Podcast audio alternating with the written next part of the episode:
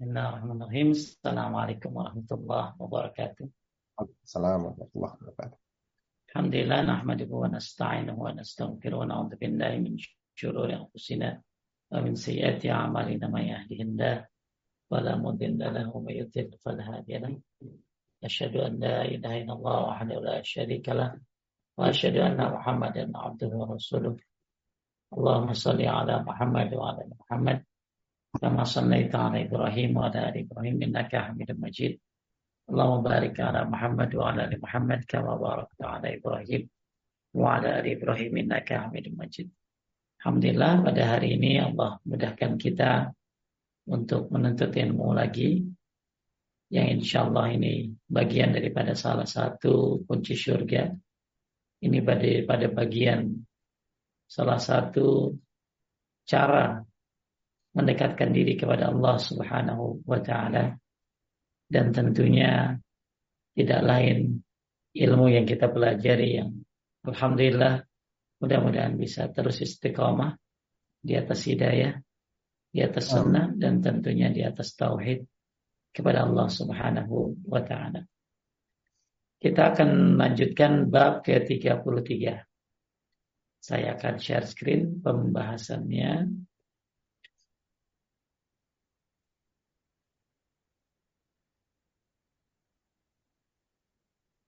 Eh.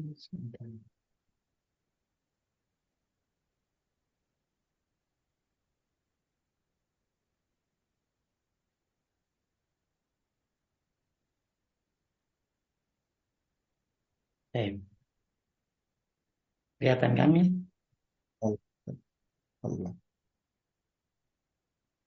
Tawakal kepada Allah Subhanahu wa taala. Tawakal itu adalah bersandar atau pasrah kepada Allah Subhanahu wa taala dalam mencapai tujuan yang diinginkan dan menolak hal yang tidak disukai.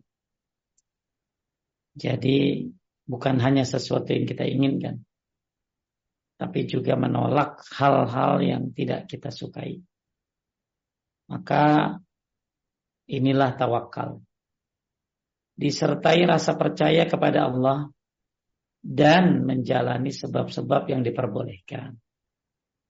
Bapak Ibu sekalian dimiliki Allah, saking betapa pentingnya tawakal, Said bin Jubair rahimahullah mengatakan yang namanya tawakal kepada Allah adalah mengumpulkan seluruh keimanan. Tawakal kepada Allah adalah mengumpulkan seluruh keimanan. Ya, itu kata Said bin Jubair. Masya Allah ya, ini luar biasa. Ya. Oleh karena itu, Said bin Jubair berdoakan. Doanya tuh, Allahumma inni as'aluka sidkut tawakkuli alik wa husnul zanni. Artinya, Allahumma inni as'aluka ya Allah aku meminta kepadamu sidqut tawakkuli alaik jujurnya tawakal. Minta kepada Allah agar kita ini tawakal ini benar-benar jujur tawakalnya. Bukan apa sih bukan prank tawakalnya. Tawakal yang jujur. Wa husnuzanni bik dan berbaik sangka kepadamu. Di dua dua hal dari Sa'id bin Jubair. Yang pertama beliau mengatakan tawakal adalah mengumpulkan seluruh keimanan. Dan begitu pentingnya tawakal, beliau berdoa minta agar ya Allah aku minta kepadamu jujurnya tawakal dan berprasangka baik kepada Allah Subhanahu wa taala. Jadi banyak hal yang kita inginkan ya kan ya ya kita udah jalanin sebab-sebabnya. Ya yang diperbolehkan sebabnya kita jalani. Maka ya selanjutnya ya tawakal sudah. Dan bukan hanya masalah yang kita sukai tapi juga ya hal-hal yang kita tidak sukai. Kita nggak suka di keadaan begini. Ya kita jalanin sebabnya. Kita lapor RT RW Eh, selanjutnya ya udah tawakal. Makanya dalam bab ini penulis ya Syekh Abdul Wahab ingin menjelaskan bahwa tawakal adalah suatu kewajiban yang harus diikhlaskan kepada Allah karena tawakal itu termasuk ibadah yang paling utama. Tawakal itu kagak pakai ini ya kan, kagak pakai gerakan. Hmm. Nah, itu tawakal itu kan nggak kayak sholat. Tawakal itu nggak kayak puasa.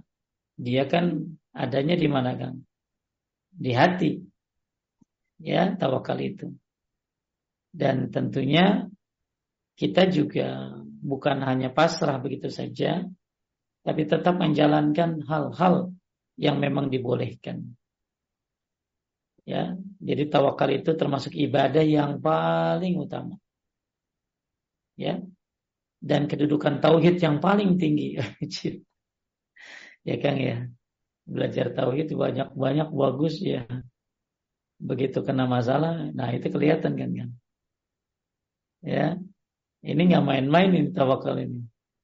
Jadi jadi tawakal itu Bapak Ibu sekalian berikan Allah ya dalam kitab uh, Al-Mulakhas disebutkan bahwa tawakal adalah ibadah yang paling utama dan kedudukan tauhid yang paling tinggi. Makanya orang makin belajar tauhid, makin tawakal. Belajar tauhid, makin tambah yakin. Belajar tauhid, ya, makin tambah cinta. Maka itulah tujuan belajar tauhid supaya makin tawakal kepada Allah Subhanahu wa taala dan ternyata tawakal ini adalah ibadah yang paling utama dan kedudukan yang paling tinggi. Barang siapa bertawakal kepada selain Allah taala, maka dia pasti kecewa. dan bertawakal kepada selain Allah itu ada dua macam. Baik ya. Pertama, bolehkah? Yang pertama, bertawakal kepada selain Allah dalam hal-hal yang hanya Allah yang mampu untuk melakukan atau memberikannya. Seperti bertawakal kepada orang-orang soleh yang sudah mati dan segala sesuatu yang diibadahi selain Allah dalam mengharapkan hal-hal yang diinginkan. Seperti mengharapkan pertolongan, penjagaan, rizki, atau syafaat, maka ini adalah syirik besar. Ya, kita lagi bahas bertawakal kepada selain Allah. Itu ada dua hal. Insya Allah kita hmm. dihindari. Karena kita udah jauh belajar tauhid. Bab 33 hmm. yaitu apa? Ya. Bertawak, bertawakal kepada selain Allah dalam hal-hal yang memang hanya Allah yang mampu memberikannya. Seperti apa? Ya, seperti rizki. Ya kan Allah yang memberikan. Maka jangan kita minta bertawakal kepada orang yang sudah mati. Karena ada kan siapa yang hadir di acara ini ya disebutkan bahwa siapa yang bisa hadir di acara beliau bulan kematian bulan sudah sekian tahun ya. Siapa yang hadir maka akan lunas hutang-hutangnya. Siapa yang hadir beliau katanya saya kaget juga ngelihat tulisannya. Beliau ini katanya bendahara Allah Ya ya Allah, Allah musta'an ya. Segitunya orang ini. apa? Ya biasa kan supaya datang gitu ya, supaya datang. Ya, jadi ini bertawakal kepada selain Allah dalam hal-hal yang hanya Allah yang mampu. Jadi dia dia bertawakal kepada orang mati. Padahal dalam hal pertolongan, dalam hal penjagaan, dalam hal rizki, syafaat, padahal nggak ada yang bisa melakukan hal-hal ini kecuali Allah. Dia berarti punya dua kesalahan kan. Kesalahan yang pertama, dia bertawakal kepada selain Allah. Itu kesalahan. Yang kedua, dia bertawakal kepada selain Allah dalam hal-hal yang nggak ada yang bisa kecuali Allah yang melakukannya. Jadi hmm. buat apa kalian meminta kepada kepada selain Allah dalam hal-hal yang nggak ada yang bisa kecuali Allah. Ya, ya kan ada orang begitu ya mungkin supaya selamat apa ya minta tolong kepada ya kepada kuburan. Dia minta doa. Ya, jadi saya ada cerita. Ada orang seorang imam yang sudah menjadi imam 20 tahun. Luar biasa imam 20 tahun kan imam itu masya Allah ya pahalanya gede imam itu bahkan al muazzin al imam ya Allah maghfiril muazzin wahdi lil a'immah. Allah berikan hidayah kepada imam. Dan dia kan itu kalau Idul Adha bisa motong pakai tangan sendiri ya, motong tangan sendiri. 40 ekor binatang. Kambing atau sapi, dia bisa potong 40. Nah, kita paling motong satu dua kan. Dia nggak bisa 40. Ya kita kan kaget di situ ya. Wih, luar biasa nih aki-aki. Ya. Eh ternyata yang bikin kita bengong dia ngomong gini. Ya kan kita bingung ya, itu kuat amat aki-aki. Dia bilang, ya sebelum itu saya minta tolong dulu sama Karuhun. Saya minta tolong dulu sama para wali. Saya minta tolong dulu sama guru-guru yang udah mati. La haula wala quwata illa billah. Imam 20 tahun, kurban banyak motongnya tapi ternyata dia menyatakan bahwa dia sebelum berkurban sebelum motong supaya ya dia minta kepada selain Allah padahal hanya Allah yang bisa memberikan ini tawakal kepada selain Allah terbagi dua yang pertama tawakal kepada selain Allah dalam hal-hal yang hanya Allah yang bisa memberikan syafaat. Emang siapa yang bisa ngasih syafaat? La yashfa'u indahu tidak ada syafaat kecuali atas izin Allah. Enggak ada syafaat kecuali atas izin Allah. Qulillah syafa'atu jami'an. Semua syafaat milik Allah. Nabi itu kalau waktu mau minta syafaat itu sujud dulu lama sekali. Sampai akhirnya Allah menyuruh dia bangun sallallahu alaihi wasallam lalu disuruh memberikan syafaat. Ya. Apalagi tadi rizki. Ya.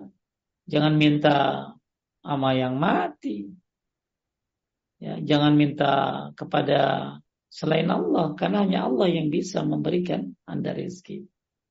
Tapi ini tawakal yang salah yang pertama. Yang kedua, nah ini mungkin banyak yang mungkin Ya. Uh, yang kedua, bertawakal kepada selain Allah Ta'ala dalam sebab-sebab yang nyata.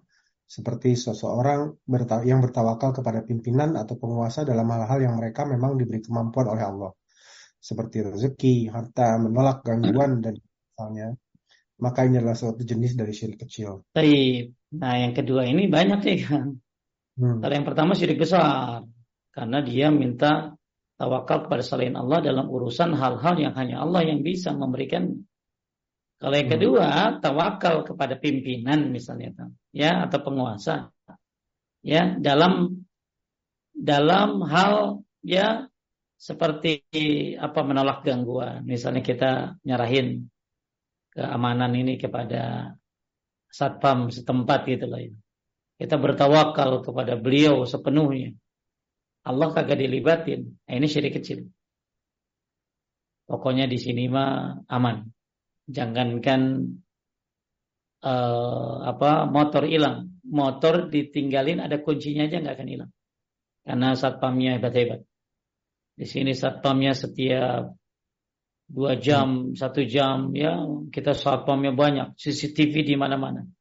Anda nggak usah takut tinggal di perumahan ini ya semua penuh dengan kenyamanan, ketentraman dan apalah pokoknya hebat lah. Hmm. Dia tidak melibatkan Allah. Jadi banyak orang bertawakal kepada penguasa atau pimpinan dalam hal-hal seperti tadi harta. Ya. Jadi bertawakal sama bos dalam masalah rezeki Ya pokoknya bos yang ngasih. Bukan Allah. Ya. Pokoknya bos. Ya jadi kalau yang pertama kan bertawakal kepada selain Allah. dalam hal-hal yang hanya Allah bisa, yang hanya Allah yang bisa melakukan.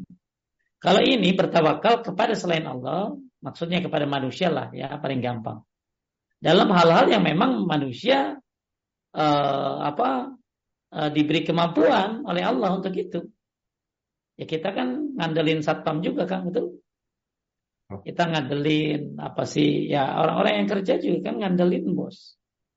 Hmm. Tapi segitu tawakalnya kepada bosnya, seolah-olah memang rezekinya itu dari bos, tidak melibatkan Allah.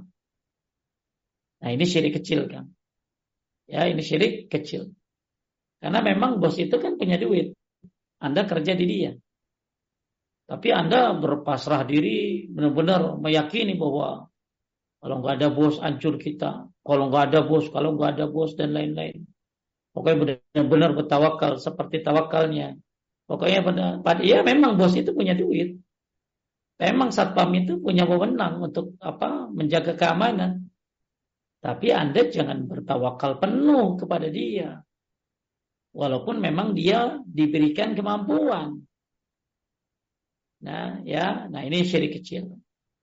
Ya, jadi ya satpam dan lain sebagainya, ya mudah-mudahan dengan adanya mereka Allah apa di daerah aman. Boleh saja, tapi jangan sampai kita bertawakal kepada satpamnya. Ada yang hukumnya boleh, apa itu? Di namanya namanya perwakilan. Yaitu kita mewakilkan sebagian urusan kita kepada orang lain ya hmm. kita bayaran satpam ya supaya jagain rumah daerah kita tapi kita tetap bertawakal kepada Allah agar dia memudahkan urusan tersebut. Ah ini yang boleh. Ya, ini insya Allah Bapak-bapak, ibu-ibu, ya kita tinggal selangkah aja kalau ini. Jadi yang udah nomor satu tadi syirik besar. Nomor dua sirik kecil karena dia menjawab seolah-olah bosnya atau keamanan daerah situ ya bisa menjaga benar-benar tanpa melibatkan Allah.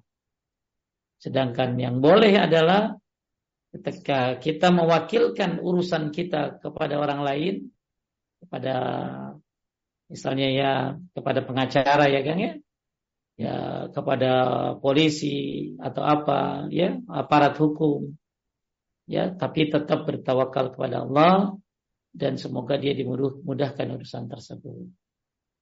Baik, kita akan uh, masuk kepada pembahasan yang pertama. Sebelum kita bahas ayat yang pertama, dalil yang pertama, uh, ada satu kata-kata dari Sahal At-Tusturi. Rahimahullah beliau mengatakan, siapa yang mencela tawakal, sungguh ia telah mencela iman. Nggak ada tawakal-tawakalan. Semuanya usaha kita. Ini dia mencela iman. Barang siapa mencela usaha dan kerja, jadi dia nggak mau kerja, yang penting tawakal. Maka sungguh ia telah mencela sunnah. Jadi kalau mencela tawakal berarti dia telah mencela iman. Tapi kalau dia mencela usaha dan kerja berarti dia telah mencela sunnah. Ya. Oleh karena itu Syekh Dr. Abdullah Al-Bukhari hafizahullah beliau uh, apa uh, apa uh, tawakal itu ada tiga komponennya. Yang pertama tergantung bergantung kepada Allah dan menyerahkan urusannya hanya kepada Allah saja. Yang kedua menempuh sebab-sebab yang dibenarkan oleh syariat apa sebab-sebabnya yang dibenarkan oleh syariat ya ditempuhlah. Yang ketiga, nah ini tidak menoleh kepada sebab setelah melakukannya. Tapi hanya menoleh kepada yang menciptakan sebab, yaitu Allah Subhanahu wa taala. Jadi ketika urusannya hasil, jangan bilang, wah mantap nih Kang Ros ini. Emang lu nggak ada duanya lu. Ya, nah ini semuanya jadi alhamdulillah la haula billah. Dengan perantara antum alhamdulillah Allah mudahkan urusan kita. Ya, ini kebanyakan orang ngomongnya udah saking senangnya kali ya, akhirnya yang diungkapin kagak pakai alhamdulillah. Jadi kata beliau, Dr. Abdullah Al-Bukhari, bahwa tawakal kepada Allah yang sebenarnya itu ada tiga komponen. Satu, bergantung kepada Allah dan menyerahkan urusannya hanya kepada Allah. Yang kedua, menempuh sebab-sebab yang dibolehkan oleh syariat. Yang ketiga, jangan menoleh kepada syariat setelah melakukannya. Ya, Anda lakukan itu sudah sebabnya ya Anda bertawakal kepada Allah dan jangan menoleh kepada syariat eh kepada apa? kepada sebab ya, tapi menolehlah kepada yang menciptakan sebab. Ya. Baik, kita lihat ayat yang pertama. Walallahi fatawakkalu in kuntum mu'minin. Dan hanya kepada Allah hendaknya kamu bertawakal jika kamu benar-benar orang yang beriman.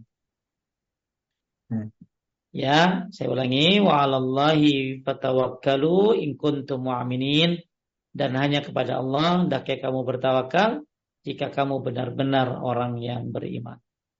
Kita lihat syarahnya lanjut yang eh, Allah Ta'ala menyebutkan bahwa Nabi Musa alaihissalam memerintahkan kepada kaumnya, yaitu Bani Israel, untuk segera memasuki negeri yang suci yang telah ditentukan oleh Allah untuk mereka. Nabi Musa alaihissalam juga memerintahkan pada kaumnya agar mereka tidak berbalik kembali karena takut kepada Jabarun atau penguasa zalim, melainkan meneruskan langkah mereka tanpa tanpa rasa gentar dan takut. Dan dua orang sahabat beliau mengingatkan agar senantiasa bertawakal kepada Allah dalam upaya mengalahkan mereka, serta senantiasa membenarkan janji-janji Allah kepada mereka jika mereka beriman. Baik. Bapak Ibu sekalian yang dimuliakan Allah Subhanahu wa taala, uh, memang salah satu cara kalau kita menghadapi kejahatan orangnya adalah dengan tawakal. Tapi tadi tawakal, jalankan sebab dan jangan berpaling dari sebab jangan jangan apa jangan menoleh kepada sebab tapi menolehlah kepada yang menciptakan sebab ya. ya jadi kata Ibnu Qayyim al-Jauziyah rahimahullah eh, jika sesungguhnya seorang mukmin yang bertawakal kepada Allah jika hamba-hamba Allah melancarkan makar terhadapnya maka sesungguhnya Allah akan membuat balasan makar untuknya dan membelanya jadi siapa orang mukmin yang bertawakal kepada Allah, ya e, maka orang-orang yang mengganggunya, yang melancarkan makar terhadap orang mukmin tersebut, maka Allah akan membalas makar untuknya dan membela orang mukmin tersebut. Bahkan kata beliau tanpa perlu hamba tersebut mengeluarkan daya dan kekuatan dari diri sendiri.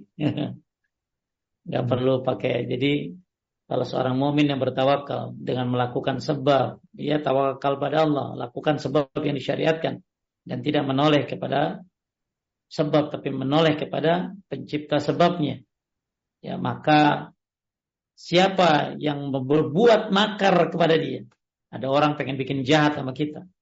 Dan kita lakukan sebab, kita jaga-jaga, kita lewat tempat yang aman, kita melakukan semua yang memang membuat kita aman ya dan kita bertawakal kepada Allah sepenuhnya. Siapa yang berbuat jahat sama kita, maka Allah Subhanahu wa taala akan membuat balasan makar untuknya. Dan akan membelanya. Membela siapa? Membela kita. Tanpa perlu hamba itu mengeluarkan daya dan kekuatan. Jadi kalau ada orang jahat sama kita kan ya, ya sudah kita tawakal sama Allah. Kita jalankan sebabnya. Apa sebabnya ya sholat. Ya, raih pertolongan Allah dengan sholat. Dengan tawakal. Ya, dengan sedekah. Nah, itu kan sebab tuh. Maka biarkan Allah yang mengaturnya dan mengurusnya. Kalau Anda benar-benar jujur dalam tawakal.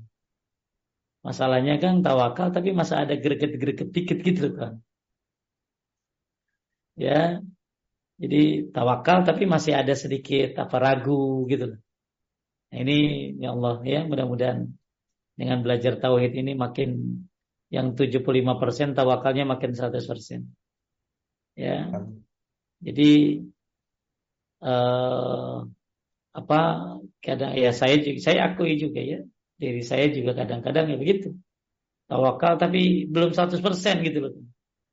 Ya ya dan ini harusnya kita mudah-mudahan jadi bisa 100% ya insya Allah ya tadi ya yang penting jalanin sebab semuanya maka Allah yang akan membalas makar dia. Allah akan bela kita bahkan gak usah kita capek-capek balas dia gak usah kita capek-capek ngejatuhin orang itu. Gak usah. Ya, kita capek-capek. Bikin strategi. Cukuplah Allah yang bertindak. Kenapa? Karena Anda adalah orang yang bertawakal kepada Allah Subhanahu wa taala. Ya Masya Allah. Makanya tadi ya, tawakal ini adalah bagian pada uh, puncak keimanan dan tauhid yang tertinggi. Mudah-mudahan setelah bahasan ini kita jadi makin apa semangat dalam menjalankan sebab, tapi ya tidak menoleh kepada sebab, tapi menoleh kepada yang menciptakan sebab dan hanya bertawakal kepada Allah. Tapi Bapak Ibu sekalian Allah, jadi kata-kata Ibnu Qayyim tadi mengingatkan kita bahwa tentunya ada orang-orang yang nggak suka sama kita, ada orang-orang yang mungkin benci ya atau apalah yang hasad kepada Anda dan dia suka melancarkan makar-makar, suka melancarkan hal-hal yang jahat. Oke ya sudah, Anda lakukan sesuatu sebab-sebab yang disyariatkan, kemudian bertawakallah kepada Allah Subhanahu wa taala. Ya, maka Allah yang akan membalasnya dan Allah yang akan memberikan pelajaran kepada orang yang jahat tersebut. Maka Nabi Shallallahu Alaihi Wasallam ya tidaklah. Jadi karena gini kan, ada orang-orang yang waktu itu saya jenguk kan, jenguk apa sih? Jenguk orang sakit.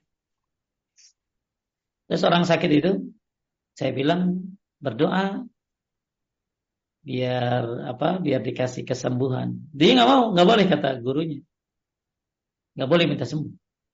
Tawakal. Allah kan yang ngajarin doa juga Nabi itu. Gak apa-apa minta sembuh. Ya kita berobat. Ya kita berobat ya pakai madu, pakai habatus sauda. Kita ke dokter. Ya kemudian ya serahkan semuanya kepada Allah Subhanahu wa taala. Makanya Nabi Shallallahu Alaihi Wasallam, harus ada lagi kan orang jalan kan, jalan ya dari mana dari mana, nggak bawa bekal dia. Kenapa? Ngetes tawakal saya. Nah ini orang error nih. Makanya dulu ya uh, ini pernah kejadian di zaman apa siapa dia? Zaman Umar bin Khattab radhiyallahu an bahwasanya ada sekelompok manusia yang dia dari Yaman datang untuk berhaji tapi nggak bawa bekal kan.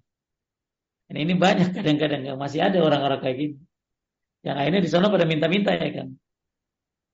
Ada minta-minta apalagi orang Indonesia ya. Kalau orang Indonesia pasti tuh karena orang Indonesia kan dianggap baik tuh. Maka yeah. pasti uh, you can speak English? Oh yes, ya wow. Ajak ngobrol lama, can you help me? Ya, I'm lost my money, macam-macam ya. Lain-lain. Pernah dia udah minta saya, saya bilang, I'm sorry. Eh depan saya diminta lagi kan udah tadi lu minta gua gua gitu. Jadi dia nggak kenal wajahnya kali. Tapi emang hampir orang Indonesia yang disamperin itu. Ya Anda kalau bisa nolong ya nolong. Ya. Tapi kayak udah sindikat kayak begitu.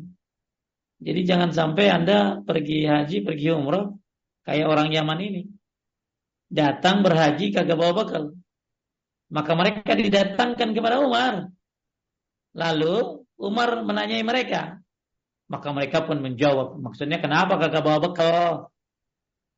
Dia jawab apakah kami adalah orang-orang yang bertawakal kepada Allah. Ulu. Jawabannya kayaknya keren tuh kan. Kami adalah orang-orang yang bertawakal kepada Allah. Kenapa kagak bawa bekal? Kami adalah orang yang berbawa bekal kepada apa? Ber, bertawakal kepada Allah. Apa kata Umar? Umar pun membantah mereka. Maka Umar mengatakan, kalian bukan orang yang bertawakal kepada Allah, Bahkan kalian adalah orang-orang yang pura-pura bertawakal kepada Allah. Kalian bukan bertawakal kepada Allah. Kalian ini pura-pura tawakal kepada Allah. Nabi Shallallahu Alaihi ini orang yang paling tawakal loh. Ya, orang-orang yang bertawakal, tapi bersamaan itu Nabi tetap mengambil sebab. Contoh, ketika safar beliau membawa bekal, ya, dan keluar ke Uhud untuk perang, beliau pakai baju besi. Ya, Nabi pakai baju besi, jadi nggak ada yang kebal. Ya, kalau ada orang kebal bacok, kebal tombak, itu kena peniti, dia berdarah. Ya. Jadi Nabi SAW safar bawa bekal. Kemudian ketika Nabi pergi perang Uhud, beliau pakai baju perang.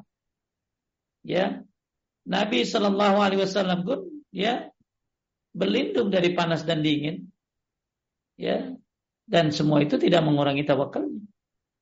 Panas, Pak. Sini, Pak tawakal Allah. Akhirnya tutung dah.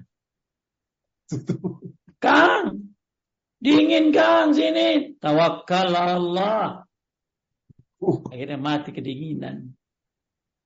Jadi Nabi Shallallahu Alaihi Wasallam orang yang paling tawakal, tapi Nabi menjalankan sebab, tapi nggak bergantung sama sebabnya, bergantung kepada Allah Subhanahu Wa Taala. Ya, uh, itulah bagaimana tawakal ini bukan hanya sekedar keyakinan tapi juga menjalankan sebab. Tapi karena ada aliran-aliran yang memang tawakalnya itu berlebihan ya tawakalnya berlebihan sampai ini ninggalin keluarga nggak ada bekal buat keluarganya sampai ada yang bilang begini kan ini ada seorang istri cerita sama saya dia sampai cerai kan. Hmm. Cerai sama suaminya gara-gara nggak tahan kali. Hmm. Salah satu yang bikin dia nggak tahan, dia minta duit kan sama suaminya buat belanja. Apa kata suaminya? Minta sama Allah. Pak, minta duit Pak buat belanja. Minta sama Allah. Jadi dia nggak tahan.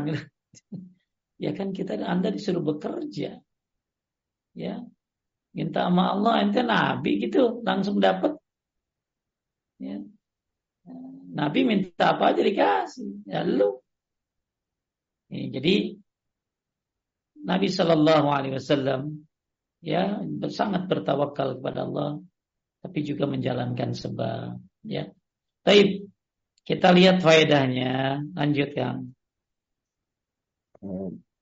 faedahnya yang pertama wajibnya bertawakal kepada Allah semata yang kedua, bertawakal kepada Allah adalah syarat kesempurnaan iman yang wajib.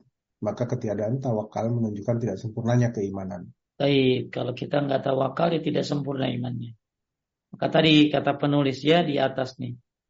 Tawakal itu termasuk ibadah yang paling utama nih di di tintain emas nih.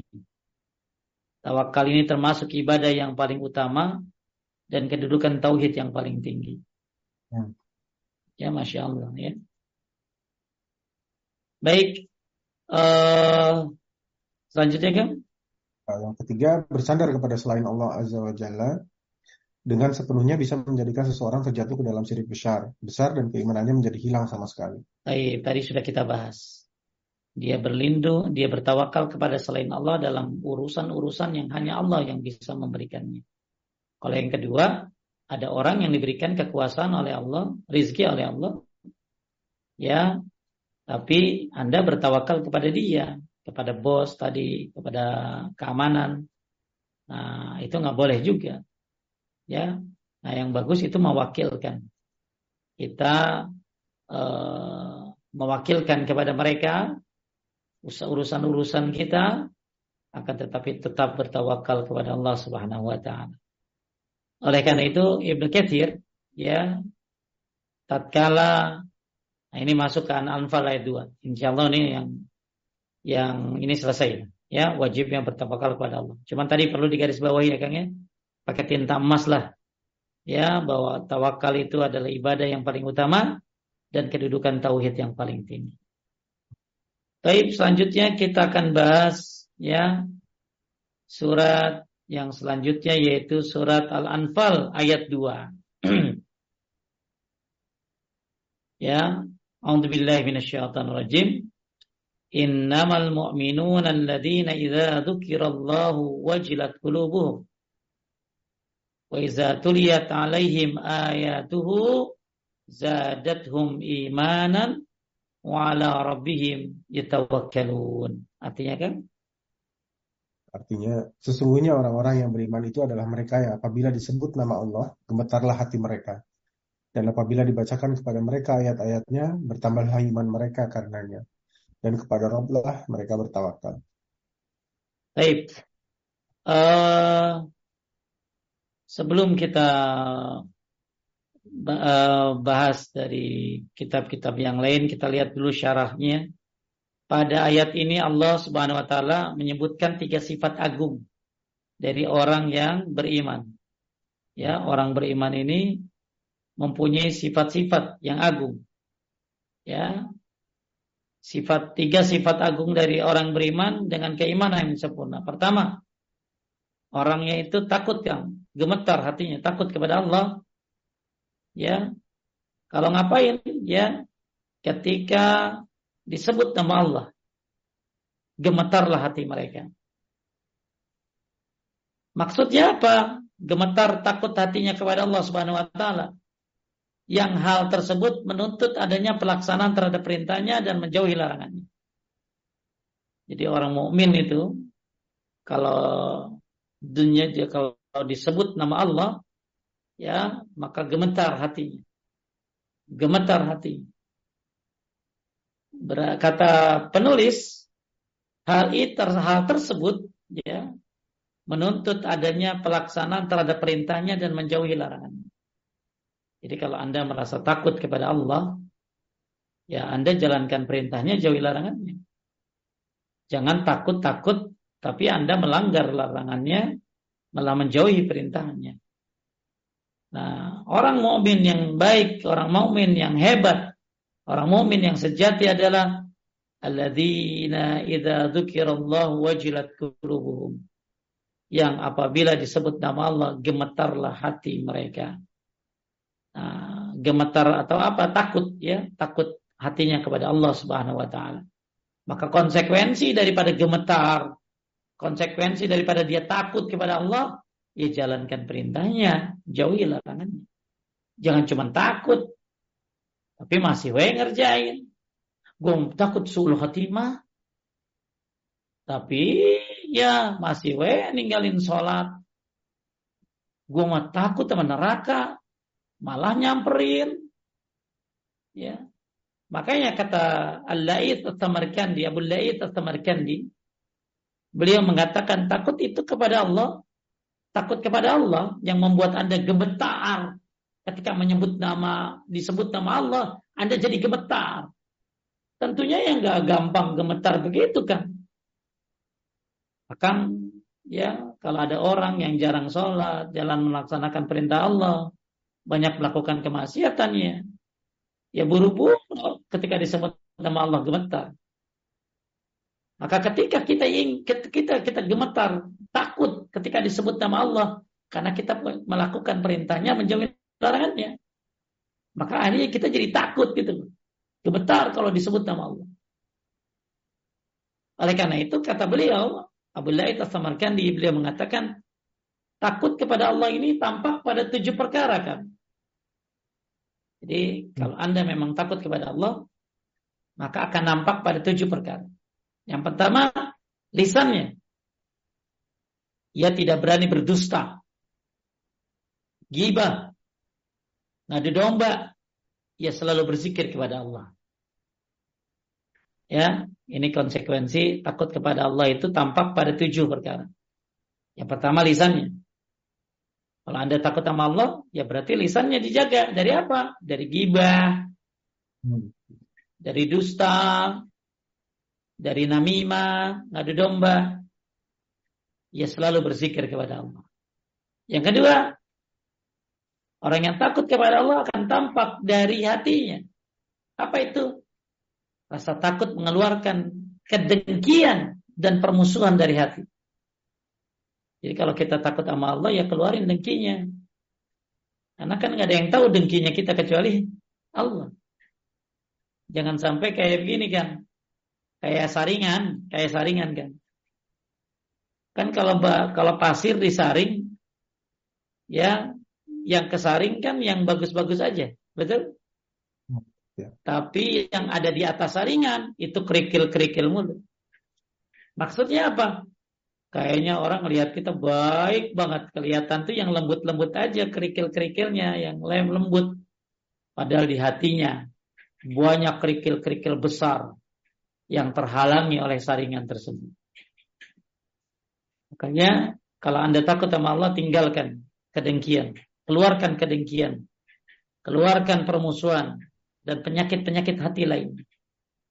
Ya, nah ini tanda takut kepada Allah dari hati ya, ya tadi lisan, maka yang kedua dari hati.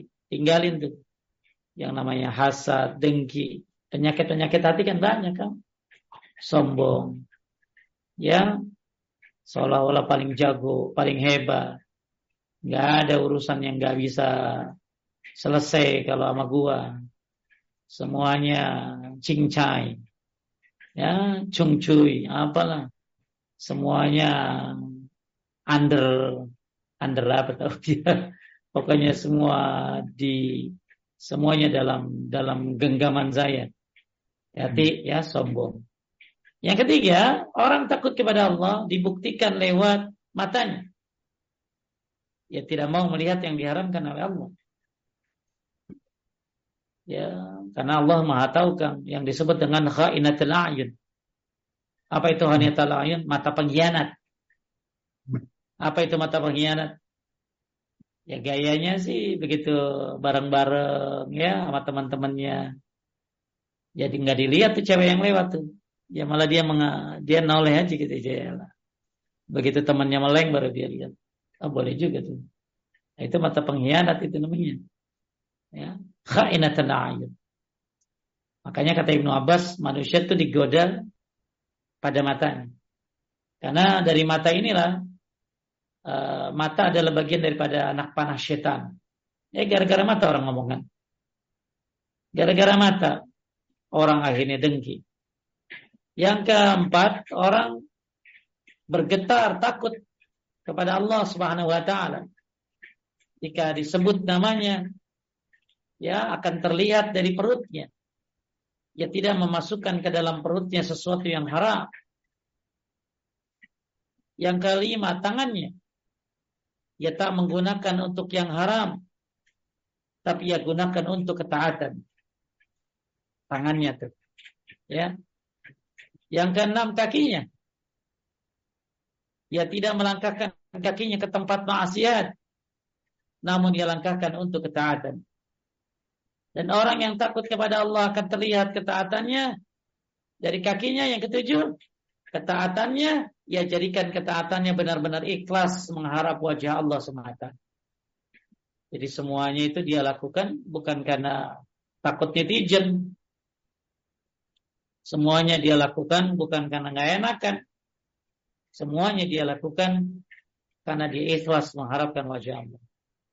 Maka inilah tujuh sebab agar kita takut gemeter hatinya ketika disebut nama Allah Subhanahu wa taala. Maka ini menuntut adanya pelaksanaan perintahnya dan menjauhi larangan. Maka siapa yang merasa takut kepada Allah, maka terlihat dari tujuh anggota tubuhnya. Lisannya, hatinya, matanya, perutnya, tangannya, kakinya, dan ketaatannya. Baik, yang kedua, lanjutkan. Eh, yang kedua, bertambah imannya saat mendengar firman-Nya. Bertambah imannya saat mendengar firman-Nya. Ah, ini dia kan. Ya, bertambah imannya ketika mendengarkan firman Allah Subhanahu wa taala. Makanya kita disuruh ngapain? Ya disuruh kalau dengar Al-Qur'an ya perhatikan. Dengarkan la'allakum la'allakum turhamun. Supaya kamu dapat rahmat. Ya. Maka ketika seseorang uh, bertambah imannya saat mendengar firman Allah, ini penting. Tapi bagaimana bertambah orang dia kagak ngerti firman. Bagaimana bertambah? Akan kedengaran suara hujan di situ? Enggak. Enggak. Enggak ya, di sini hujan gede kayaknya. Di oh. tempat saya. Oh. Tinggal kedengaran ya, aman ya? Aman, aman. Baik. Jadi Bapak Ibu sekalian demikian Allah, poin yang kedua, ciri orang beriman adalah bertambah imannya saat mendengar firman. Maka Nabi Shallallahu Alaihi Wasallam kan itu sampai apa uh, suka dengerin Al-Quran dari orang lain. Hmm. Ya, Nabi itu suka dengerin Al-Quran dari orang lain. Sampai-sampai Ibnu Mas'ud disuruh baca Quran. Ya, Ibnu Mas'ud disuruh baca Quran nama Nabi. Akhirnya ketika uh, apa sampai di suatu ayat Nabi menang disuruh berhenti Ibnu Mas'ud. Dan di situ Nabi menangis. Nah, di situ Nabi Nabi menangis. Nah, ini jadi mudah-mudahan ya suatu saat kita bisa menangis dengan Al-Qur'an kan. Ya, mudah-mudahan Allah mudahkan Bapak Ibu ketika mendengar Al-Qur'an itu uh, bertambah iman. Ya, bertambah iman. Makanya ahli sunnah wal jamaah uh, iman ini bisa bertambah, bisa berkurang. Bertambah dengan ketaatan dan berkurang karena kemaksiatan. Salah satu bertambahnya iman adalah saat mendengar firman-Nya. Yaitu Al-Quran. Hmm. Yang ketiga, menyerahkan segala urusan kepada Allah dan bersandar pasrah hanya kepadanya. Nah inilah maksudnya tawakal tadi. Ya, jadi ini ayat ini Al-Anfal ayat 2. Uh, eh, di sini ada uh, tiga sifat agung orang yang beriman. Yang pertama tadi gemetar. Ya, kepada Allah Subhanahu wa taala hatinya. Yang kedua bertambah imannya saat mendengar firman-Nya. Yang ketiga menyerahkan segala urusan kepada Allah dan bersandar pasrah kepadanya. Inilah yang kita bahas, yaitu tentang tawakal. Oleh karena itu Ibnu Katsir kan, Ibnu Katsir beliau uh, memberikan menjelaskan tentang surat Al-Anfal ayat 2 ini. Jadi kata beliau tawakal jadi uh, ada beberapa sifat orang yang bertawakal. Jadi Ibnu Katsir ini jelasin ada beberapa sifat orang tawakal ya ketika beliau menjelaskan surat Al-Anfal ayat 2 ini. Apa itu sifat-sifat orang tawakal yang dijelaskan oleh Ibnu Katsir? Di sini kan ketiga ya yang ketiga wa ala rabbihim yatawakkalun dan kepada Rabbnya lah mereka bertawakal. Maka kata Ibnu Katsir ketika beliau menjelaskan surat Al-Anfal ayat 2 wa ala rabbihim yatawakkalun apa maksudnya? Ailayarjuna siwahu. Maksud daripada dan kepada Robnya kalian bertawakal. Maksudnya kata Ibnu Katsir adalah mereka tidak berharap kepada selainnya. Ini yang pertama. Jadi kita lagi bahas ayat yang terakhir nih Kang ya. Wa ala rabbihim yatawakkalun. Dan kepada Robnya kepada Rabbnya lah mereka bertawakal. Kata Ibnu Katsir, maksud daripada wa'ala rabbihim yatawakkalun yaitu la yarjuna siwahu. Maksudnya mereka tidak berharap kepada selainnya. Ya, tidak berharap kepada kepada selain Allah. Yang kedua, kata Ibnu Katsir, mereka tidak menunjukkan ibadah kecuali kepadanya. Ya, kita coba memperdalam sedikit tafsir dari makna wa ala rabbihim yatawakkalun sebagaimana yang bahasan yang kita bahas. Dan kepada Rabbnya mereka bertawakal. Satu, mereka tidak berharap kepada selainnya. Yang kedua, mereka tidak menunjukkan ibadah kecuali hanya kepada Allah. Yang ketiga, mereka hanya meminta perlindungan dari dari dari siapa? Dari kehariban Allah Subhanahu wa taala. Yang keempat, wa'ala rabbihim wa yatawakkalun. Maksudnya adalah kalau ketiga mereka tidak meminta perlindungan hanya kecuali pada Allah. Yang keempat, mereka tidak meminta hajat-hajat kecuali dari Allah. Hmm. Yang kelima, maksud wa ala rabbihim yatawakkalun, mereka tidak menginginkan kecuali hanya kepada Allah. Yang keenam, mereka meyakini sesungguhnya apa saja yang dikehendaki pasti terjadi. Yang belum dikehendaki pasti tidak terjadi. Kemudian yang ketujuh, mereka meyakini bahwa dialah yang maha pengatur dalam kekuasaan semata dan tidak ada sekutu baginya. Ya. Kemudian yang kedelapan, kata Ibnu Katsir, maksud ala rabbihim yatawakkalun. Mereka meyakini tidak ada yang berhak mengoreksi dan mengoreksi keputusan Allah. Siapa yang bisa mengoreksi keputusan Allah? Gak ada. Ini makna wa ala rabbihim yatawakkalun di antaranya gak ada yang bisa mengoreksi keputusan Allah. Yang terakhir, mereka meyakini bahwa dialah yang maha cepat perhitungannya. Hmm. Inilah makna wa ala rabbihim yatawakkalun. Ya. Oke Bapak Ibu sekalian yang dimuliakan oleh Allah Subhanahu wa taala. Oke tadi ya. Tadi sudah kita bahas di awal saking betapa pentingnya apa tadi tawakal maka Said bin Jubair ya mengatakan apa tadi ya bahwa tawakal itu ya termasuk mengumpulkan semua hmm. keimanan itu tawakal ya kata bahkan beliau tadi berdoa ya berdoa doanya ya Allah Allahumma inni as'aluka sidqut tawakkuli alaik wa husnul ya Allah aku memohon kepadamu berjujurnya tawakal dan bersangka baik kepadamu. Ya, bersangka baik kepada Allah Subhanahu wa taala. Barang siapa yang bertawakal kepada Allah, maka dia mengumpulkan seluruh keimanan. Tapi kita lihat uh, faedahnya. Lanjutkan. Nah, yang pertama disyariat, disyariatkannya tawakal kepada Allah Ta'ala. Nah, yang kedua, tawakal kepada Allah Azza wa Jalla adalah sifat orang beriman. Yang ketiga, iman bisa bertambah dan berkurang, bertambah dengan melaksanakan ketaatan dan bisa berkurang dengan sebab kemaksiatan. Iman kepada Allah Azza wa Jalla menuntut adanya bertawakal kepadanya semata. yang, yang, lanjut, terakhir. Yang terakhir termasuk sifat orang mukmin yaitu khusyuk dan tunduk atau merendahkan diri kepada Allah Ta'ala. Baik, inilah dalil yang kedua dari surat Al-Anfal ayat 2 tentang sifat orang mukmin. Di sini ada tiga di antaranya ya ketika disebut nama Allah bergetarlah hatinya. Dan bergetar hati di sini tadi saya sudah sampaikan konsekuensinya menjalankan perintahnya, jauhi larangannya.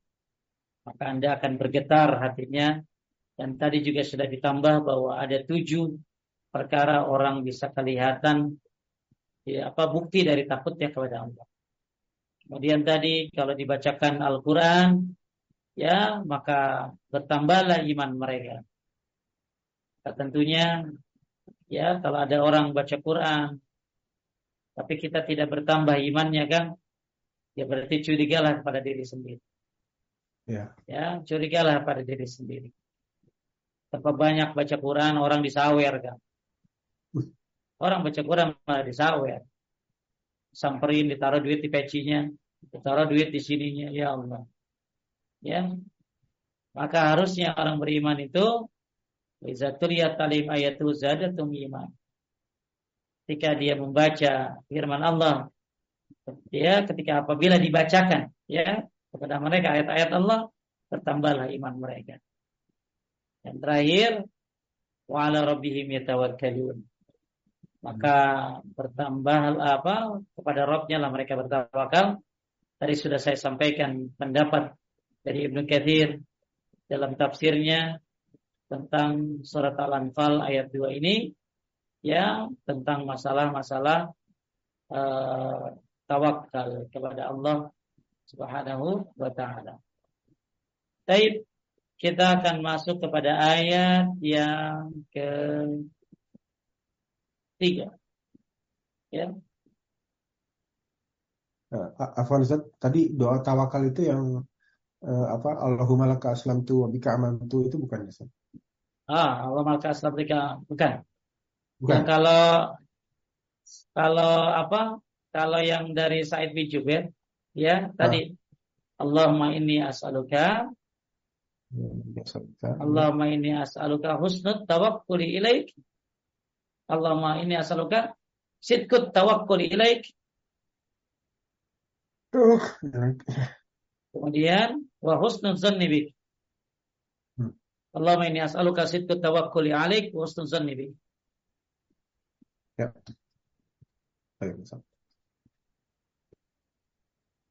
Baik. Sampai sini ada yang tanya dulu kan? Enggak ada? Enggak ada banyak sih Ustaz. Baru ada satu pertanyaan aja Ustaz. Baik. Kita tanggung satu lagi ya. Allah Subhanahu wa taala berfirman, "Ya ayuhan nabiyyu hasbukallah wa man ittabaka minal mu'minin."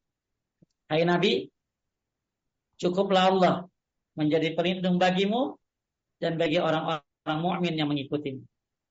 Cukuplah Allah menjadi pelindungmu dan bagi orang mukmin yang mengikutimu. Kita lihat syarahnya. Lanjut. Uh, syarahnya Imam Ibnu Qayyim rahimahullah berkata, yakni hanya Allah sajalah yang mencukupimu dan mencukupi para mengikutmu. Sehingga setelah itu kalian tidak butuh kepada seorang pun. Maka semakin seorang itu itiba atau mengikuti Rasulullah Shallallahu Alaihi Wasallam, maka akan semakin besar pula kemuliaan, kecukupan dan pertolongan dari Allah Azza wa Jalla.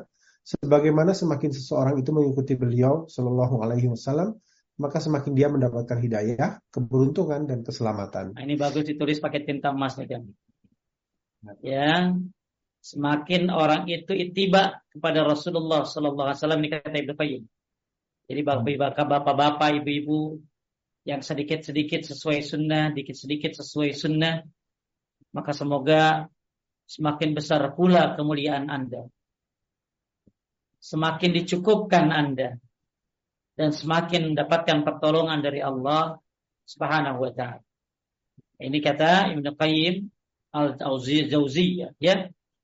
Maka jadi beliau dalam syarah ini mengutip ya Ustaz Yazid bin Abdul Qadir Jawas hafizahullah uh, perkataan Ibnu Qayyim al-Jauziyah tentang hanya Allah sajalah yang mencukupimu dan mencukupi para pengikutmu yaitu surat Al-Anfal ayat 64. Ya Yuhan Nabiyyu hasbukallahu min ittabaka minal mu'minin.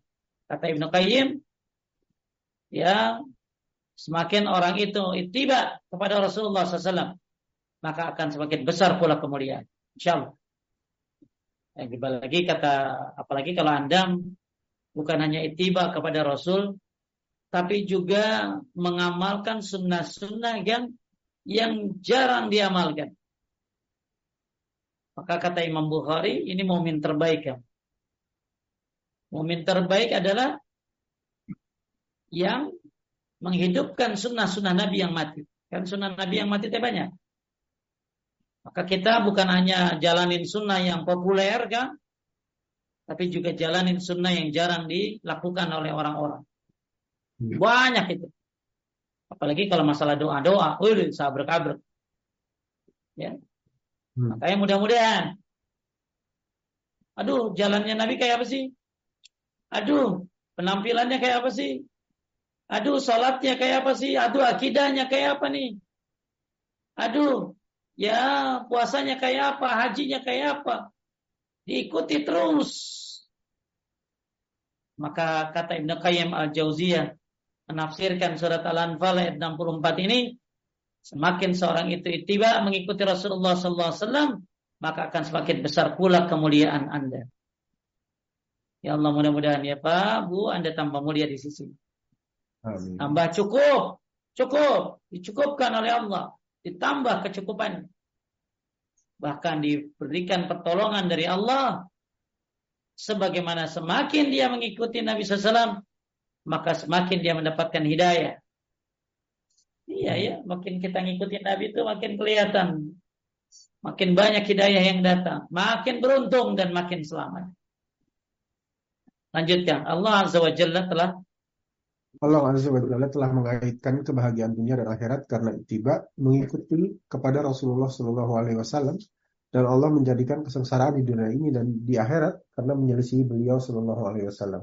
Baik, ya Allah mengaitkan Allah Taala mengaitkan kebahagiaan dunia dan akhirat karena itiba, iyalah. Ya, Allah ngutus Nabi itu salah satu cara kasih sayang Allah buat kita. Agar kita tahu cara ibadah kepada Allah. Karena nggak akan kita bisa benar ibadah kepada Allah tanpa melihat Rasulullah Sallallahu Alaihi Wasallam. Maka ketika anda itiba kepada Rasulullah Sallallahu Alaihi Wasallam, maka ini termasuk ya di sini uh, akan dicukupkan, ditolong dan lain sebagainya. Ya, sedangkan siapa ya yang menjadikan ya kesengsaraan dan apa dan dan apa mengaitkan bagian dari ayat karena titibang itu kepada Rasulullah. Dan Allah menjadikan kesengsaraan di dunia dan akhirat kan yang menyelisih Sallallahu Alaihi Wasallam. Bahkan nanti di telaga akan diusir dia orang-orang yang apa membuat sesuatu yang tidak dicontohkan Nabi Shallallahu Alaihi Wasallam. Tapi Nabi masih sempat bela juga. Hmm.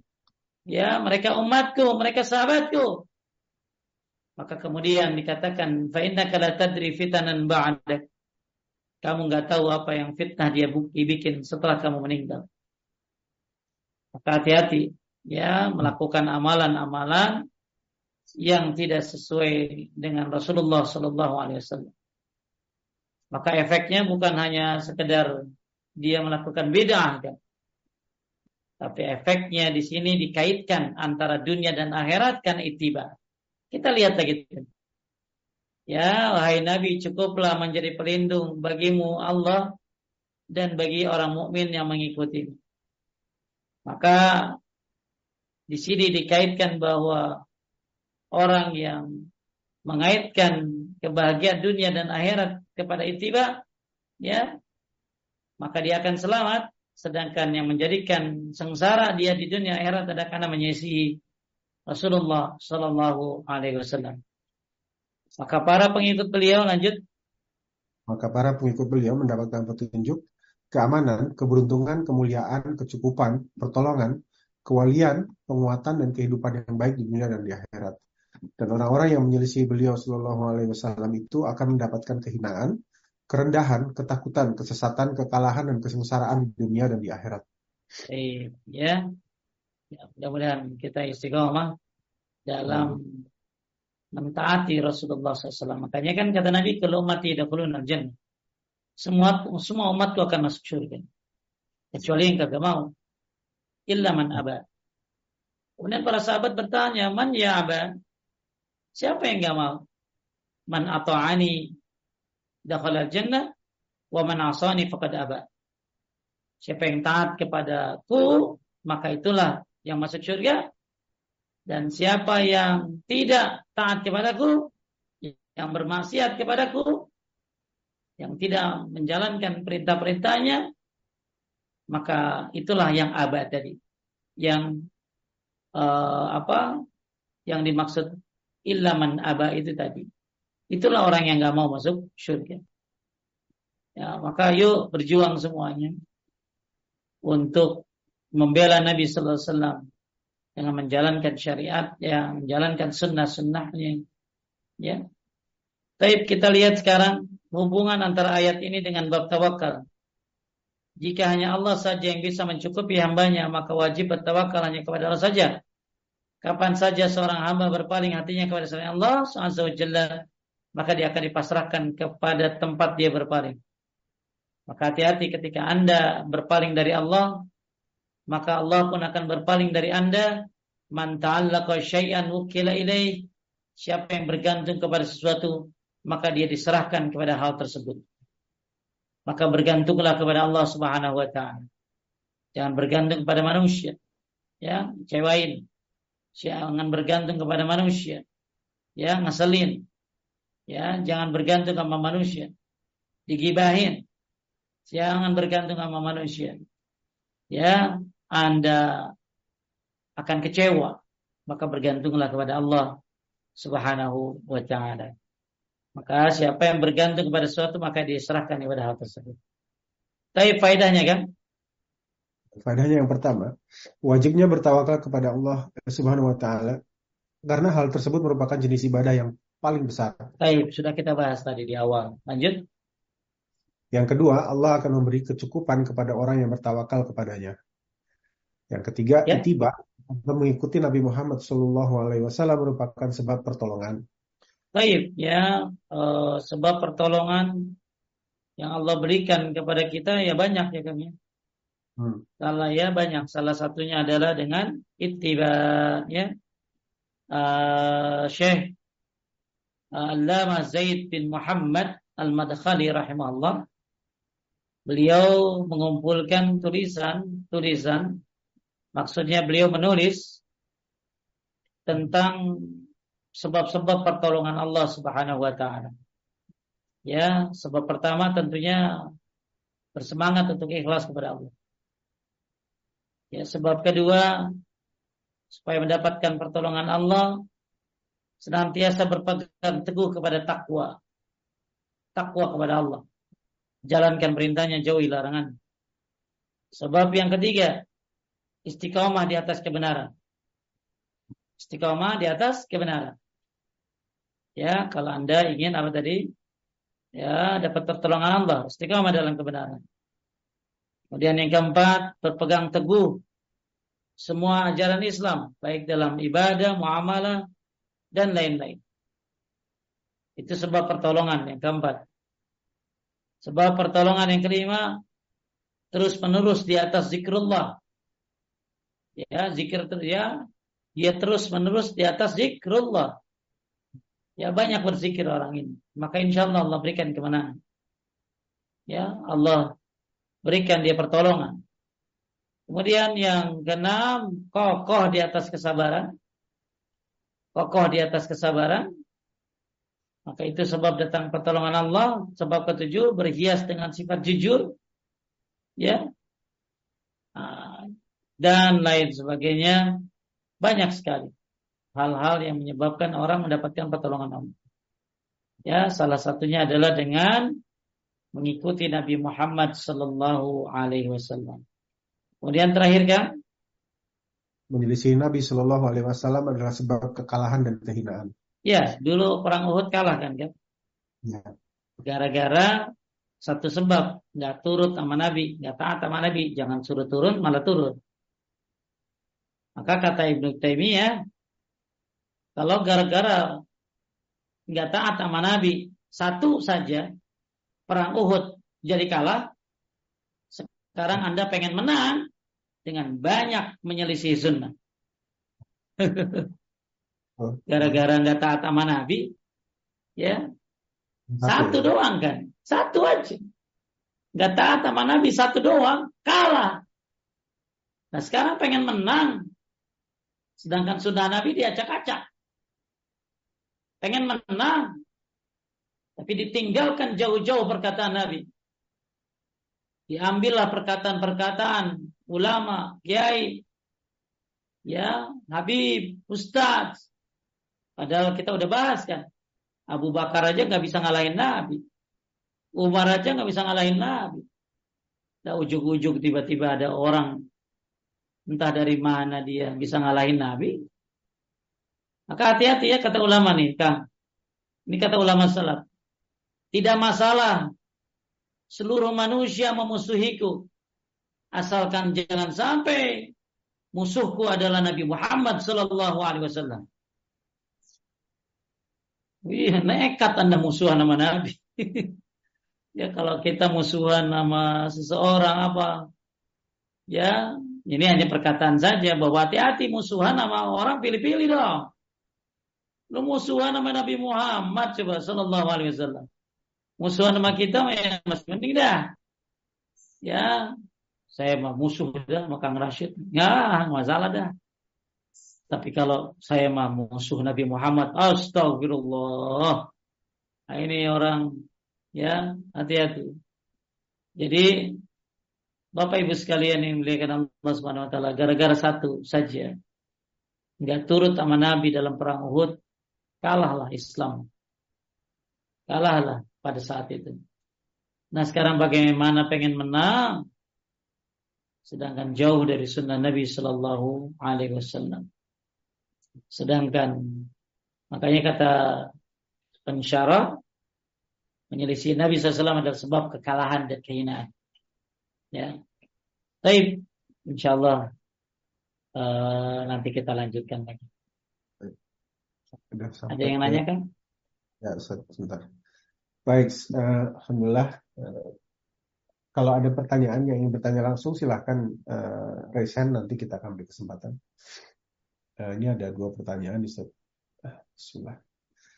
Assalamualaikum warahmatullahi wabarakatuh. Ustaz, bagaimana mengatasi rasa sedih atau kecewa supaya tidak merusak tawakal kita kepada Allah Subhanahu wa taala? Satu, ya, pandanglah segala yang terjadi ya, supaya nggak kecewa, supaya nggak sedih.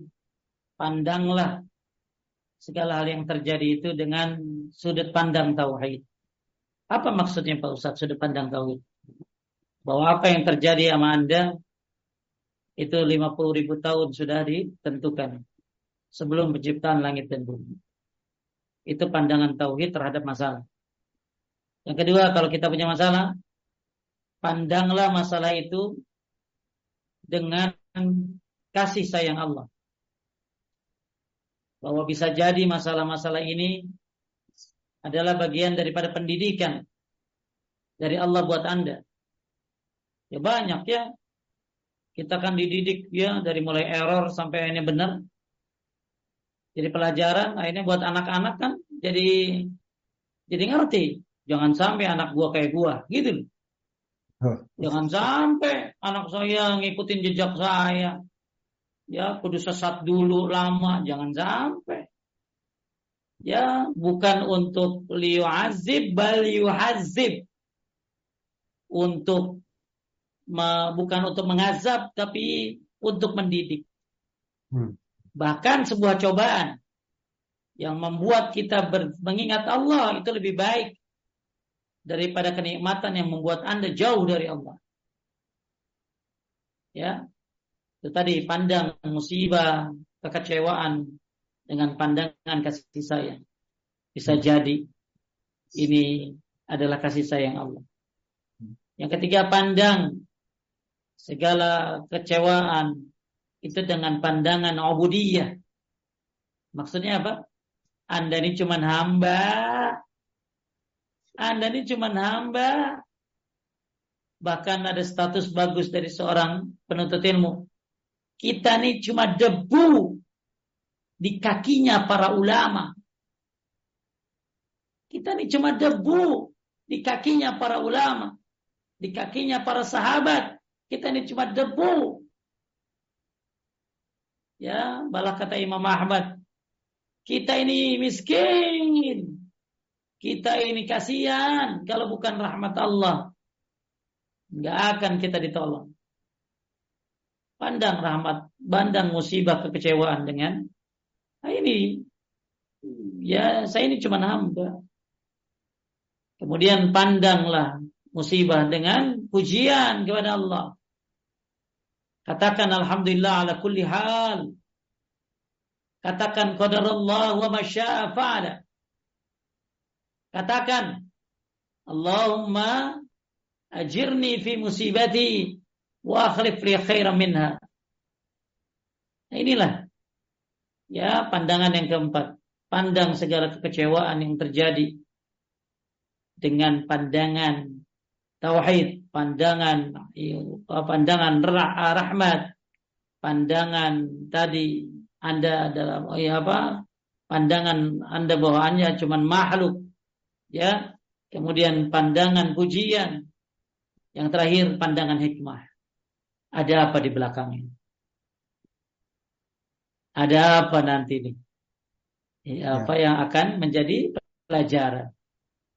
Ya, masya Allah ini ya maka husnuzan kepada Allah tadi bukan hanya tawakal tapi husnuzan kan tadi doanya tadi Allahumma inni as'aluka sidqa tawakkuli ilaik alaik wa husnuzan bik ya Allah Aku meminta kepadamu jujurnya tawakal dan berpersangka baik. Ya, lanjut. Berikutnya pertanyaan nomor dua agak panjang. Eh, mohon maaf ini saya nggak edit jadi ada beberapa typo nih. Bismillah, Assalamualaikum izin bertanya. Ustadz, saat ini saya merasa nafsu saya ke hal duniawi lebih dominan, banyak kemauan yang dunia. Mau, namun hati ini merasa tidak damai, rasa syukur berkurang. Bagaimana cara mengembalikan hati kembali kembali yang mendahulukan akhirat setelah itu dunia karena saya merasa keberkahan itu berasa beda sekali jika sudah ke dunia. Baik, Bapak Ibu sekalian yang dimuliakan Allah Subhanahu wa taala. Ya. Dunia ini Allah kasih bukan supaya kita enjoy. Hmm.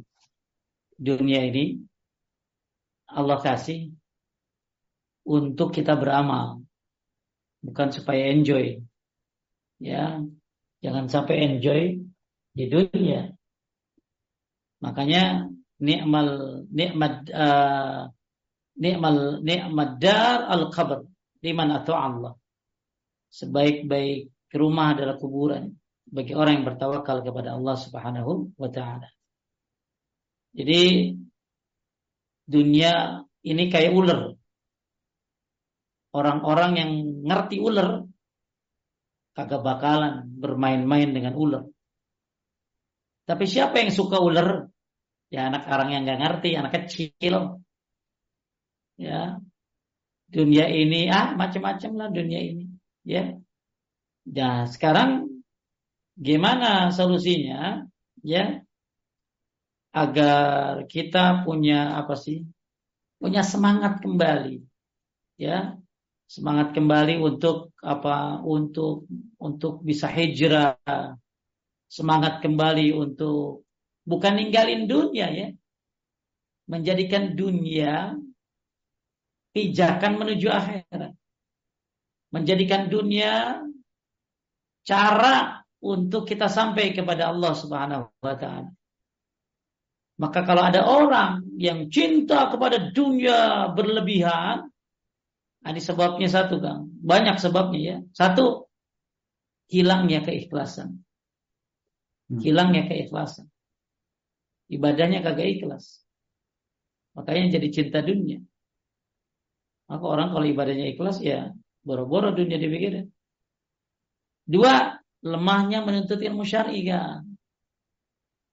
Itu yang kedua tuh orang kalau ubud dunia ini salah satunya satu hilangnya keikhlasan. Jadi dalam ibadah nggak ada keikhlasan. Ya mungkin karena sekedar hanya nyenangin orang. Ya. Yang kedua lemahnya adalah menuntut ilmu syar'i ya lemah dia dalam menuruti masyarakat. Yang ketiga kan ketergantungan hati kepada dunia dan melupakan akhirat. Menggantung banget sama dunia itu bergantung banget. Ya, ketergantungan hati kepada dunia dan melupakan akhirat ini sebab yang ketiga orang jadi jadi hubud dunia. Hmm. Yang keempat yang fitnah atau cobaan berupa istri, anak, suami atau harta. Jadi kenapa dia jadi hubud dunia? Karena dia dicoba sama istrinya. Karena ada orang korupsi gara-gara bini yang nyuruh. Atau gara-gara pengen nyenengin anak. Atau karena ya ya ini tadi fitnah nih berupa harta. Harta. Jadi orang kenapa dia jadi hubud dunia karena dia diuji dengan jian berupa istri dan anak dan harta. Ya, ya banyak kan kagak sholat ya, nyari duit baik. Gajinya kecil lagi. Udah gaji kecil, ninggalin sholat lagi. Kemudian yang kelima, kenapa orang bisa hubudunya? Karena hidup di tengah masyarakat yang rusak kan pindahlah cari gang atau RT yang dukung Anda. Ya. Tadi ada orang ya datang ke rumah dia saya pengen dekat sini rumahnya tat. Ya, saya pengen dekat masjid, dekat lingkungan ini. Ya, dekat ya pokoknya dekat orang-orang soleh. Maka orang begitu lingkungannya rusak, ya, nah ini bisa hubud dunia. Ya. Kemudian yang keenam, sebab yang keenam berteman dengan orang-orang yang cita-citanya memang duniawi kan. Ya. ya cita-citanya emang duniawi sampai kan waktu itu saya dapat cerita ada orang Islam tapi kagak sholat. Kenapa? Ya karena ketika dia main golf mau sholat, ngapain lu sholat? Dah waktunya, deh sholat mah kagak bikin ini, kagak bikin kaya, kau ini, ini. Padahal yang ngomong begitu orang Islam juga kan. Nah ini nih teman-teman kayak begini nih yang kudu di kudu di kick out nih. Ya. Dia teman-teman yang keinginan dunianya itu wudi menggebu-gebu, cita-citanya duniawi banget. Kagak kepikiran bikin rumah di surga, pikirannya rumah be bagaimana memperindahnya. Ya, nggak mikirin bagaimana nanti di alam kubur yang dia pikirin adalah bagaimana menghabiskan hidup ini untuk kesenangan. Nah, ini karena teman-teman nih banyak nih gara-gara teman tuh orang jadi apa? Jadi cinta dunia. Yang keenam, melakukan dosa maksiat serta memakan barang haram. Nah, ini kan bisa jadi nih kan, gara-gara makanan haram, ente jadi cinta dunia. Gara-gara banyak dosa maksiat, jadi cinta dunia. Yang kedelapan, gak punya tujuan yang jelas dalam hidup. Nah kita kan hidup punya tujuan. Tujuan kita apa? Ya surga. Lu tujuannya apa? Mobil. Tujuan hidupnya adalah barang-barang. Tujuannya adalah koleksi ini itu. Ini orang hidup kagak punya tujuan jelas. Maka Allah berfirman, "Wa ma khalaqtul jinna wal insa illa liyabudun ini tujuan tujuan hidup. Anda ini tujuan hidupnya untuk ibadah kepada Allah Subhanahu wa taala. Hmm. Sembilan, kenapa orang jadi lemah? Eh, jadi apa? Jadi cinta dunia, lemahnya iman. Kesepuluh, suka menyendiri kan. Cicing bae di mahwe kagak begaul sama orang-orang soleh. Hmm. Sholatnya di rumah, kagak mau jalan ke masjid menyendiri. Dajjal turun belum udah menyendiri. Ya. Kerjaannya menyendiri introvert. Apalah. Ya. Menyendiri aja. Nah, ini. Kemudian yang ke-11 ini bisa jadi kan lemahnya pendidikan.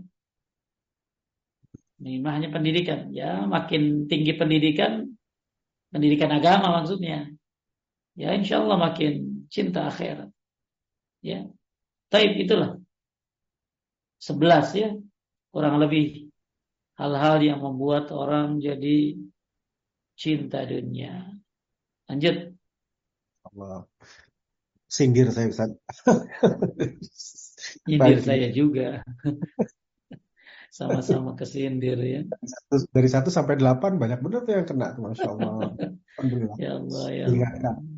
Ini berikutnya berikutnya, Ustaz. Tawakal kita seperti apa yang terkait yang saat ini masih terjadi di Gaza? Sedangkan saya cuma ibu rumah tangga, Ustaz. Wah, enak aja ibu cuma ibu rumah tangga. Ibu rumah tangga itu masya Allah, bu. Ya, ibu rumah tangga itu hebat. Yang hebat nah. itu ibu rumah tangga. Hmm. Ya. Jadi jangan cuma ya. Alhamdulillah saya seorang ibu rumah tangga. Ya. Bisa dekat sama anak, bisa banyak menuntut ilmu. Jadi tawakal kita untuk masalah Gaza ya adalah tentunya melakukan sebab-sebab yang bisa kita lakukan. Di antara sebab-sebab yang bisa kita lakukan ini yang terjadi di zaman Nabi Musa justru kan. Dan ini dulu dilakukan oleh Bani Israel. Ketika mereka dikejar-kejar Firaun. Ketika mereka dilarang oleh Firaun untuk melakukan ibadah. Maka mereka menjadikan rumah-rumahnya tempat ibadah. Karena nggak boleh keluar katanya kan. Nggak boleh keluar ibadah, maka akhirnya mereka menjadikan memenuhi rumah-rumahnya dengan ibadah. Maka sekarang kita penuhi masjid-masjid kita dengan ibadah. Kita penuhi masjid-masjid dengan kalimat amin. Karena orang Yahudi itu hasut sama orang Islam ketika mengucapkan amin. Kita ramaikan sholat berjamaah khususnya sholat subuh. Saya kan ibu rumah tangga Pak Ustaz suruh bini eh suruh lakinya. Suruh anaknya ke masjid. Kalau orang Islam bisa ngalahin tidur, apa yang nggak bisa dikalahin? Tidur aja bisa dikalahin. Jadi itu yang terjadi. Jadi kita ya, jadi kita lawan Zionis dengan cara mereka dulu. mereka kan dulu lawan Firaun ya dengan berjuang dan mereka termasuk yang saya pernah dengar mereka melakukan sholat di rumah-rumah mereka. Maka sekarang, karena nggak bisa keluar. Nah sekarang kan kita bisa keluar. Ayo lakukan sholat berjamaah di masjid. Bos ibu-ibu lakukan sholat berjamaah, sholat di rumah. Dan lakukan sholat qiyamul lail. Berikan mereka tambahan amunisi dengan panah-panah doamu. Ingat kata Imam Syafi'i, Doa di tengah malam adalah panah-panah yang tidak akan bisa ada yang menahannya. Gak akan pernah lepas, gak akan pernah salah sasaran. Doakan mereka dalam kiamul ilmu. Wahai ya kaum muslimin semuanya. Ya, jangan anggap remeh doa-doamu. Karena musibah ini bagaimana doanya, Kang? Kalau misalnya musibahnya lebih besar, Sedangkan doanya sedikit ya kalah tuh doanya. Tapi hmm. kalau doanya 100% kaum muslimin semuanya. Ya siapa yang bisa ngelawan Yahudi kan? Dulu hmm. Yordan, Mesir. Siapa lagi tuh? Yang ngelawan mereka kalah. Termasuk Saudi kali. Dulu tuh. Kalah. Akhirnya tambah lagi mereka wilayahnya. Mereka punya backing A, B, C, D, senjata A, B, C, D. Biarkan panah-panahmu yang akan bermain. Biarkan para malaikat Allah yang akan turun menebas mereka. Dengan sholat-sholat. Dengan kunut nazilahmu. Jangan Jumat doang kunut nazilah teh. Setiap sholat. Ya Jumatan doang. Emang tuh Yahudi nyerang Jumat doang. Ya, jadikan ya sholat-sholat kita di masjid ini, doa-doa kita, apalagi tahajud di malam hari. Ini bagian daripada mendatangkan pasukan-pasukan Allah. Cuma masalahnya mungkin masih kurang. Masih kurang banyak doanya. Masih ributin Hamas itu siapa? Masih ributin ini itu yang udah nanti dah bahasnya. Yang penting sekarang kita fokus nih. Mereka ini gimana kaum muslimin di sana. Ya. Itu tadi. Jangan anggap remeh. Doa mukhla ibadah. Doa itu sumsumnya ibadah. La yaruddul qadha illa doa. Tidak ada yang bisa menolak takdir kecuali doa. Doa yang fa mimma nazala wa mimma lam yanzil. Doa itu bermanfaat baik itu sudah terjadi ataupun belum terjadi. Doa sangat bermanfaat. Ya, tidak ada amal yang lebih baik daripada doa. Maka mungkin doanya udah mulai kurang kali kan. Ya, doanya udah capek dengar lihat banyak lihat Instagram baik. Ya, nangis saya saya juga tega mana Palestina ya Allah. Sholat dah jamaah di masjid. Jangan banyak mewek. Jangan kasihani mereka orang-orang Palestina di Gaza. Kasihani dirimu. Yang betapa jauh dari Allah. Sedangkan mereka lihat kuat-kuat imannya.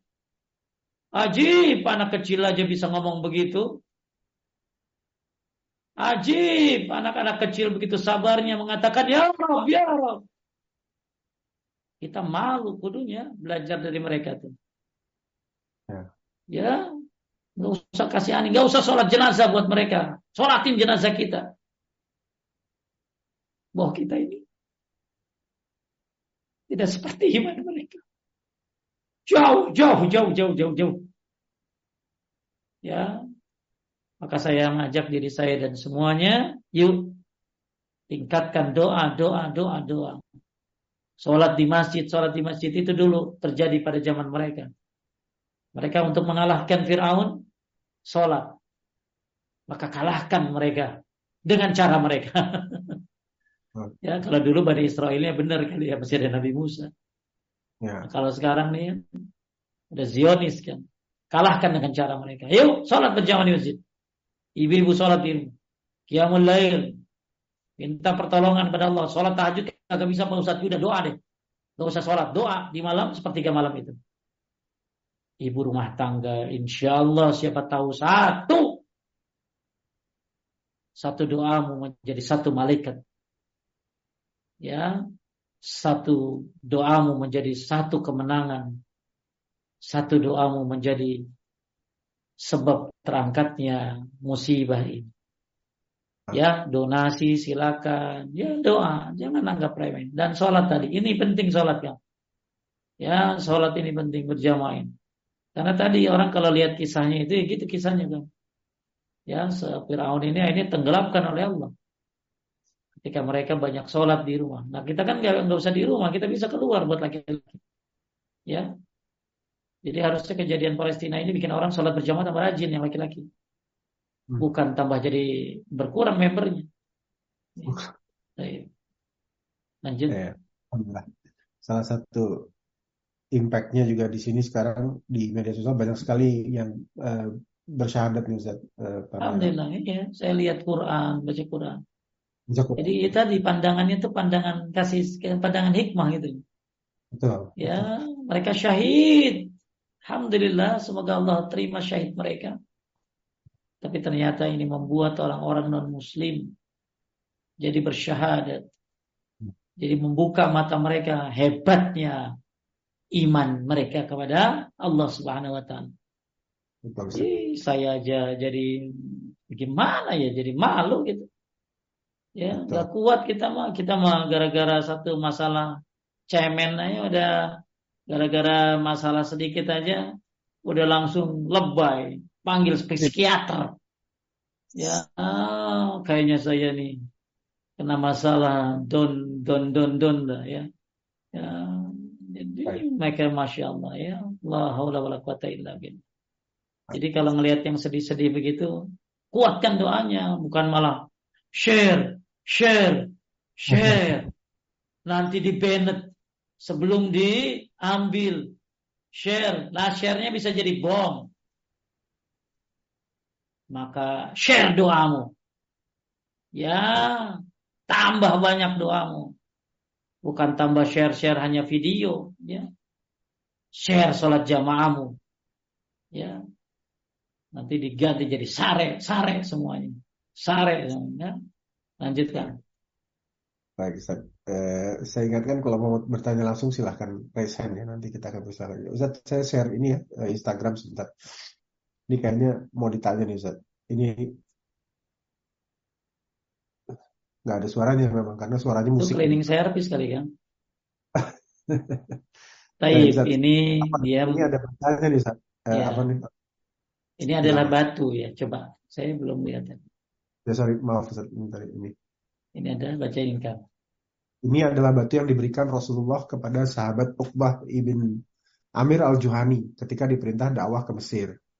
Uqbah mengeluh kangen Nabi dan Madinah. Lalu oleh Rasul diberi batu dan perintah jika kangen dengan Rasul dan Madinah maka Uqbah suruh memegang batu itu dan memanggil-manggil nama Nabi dan nanti batu itu akan menyampaikan kepada Rasulullah setelah wafat batu itu ditempel di dekat makam Uqbah semoga semua dapat barokah dan syifa.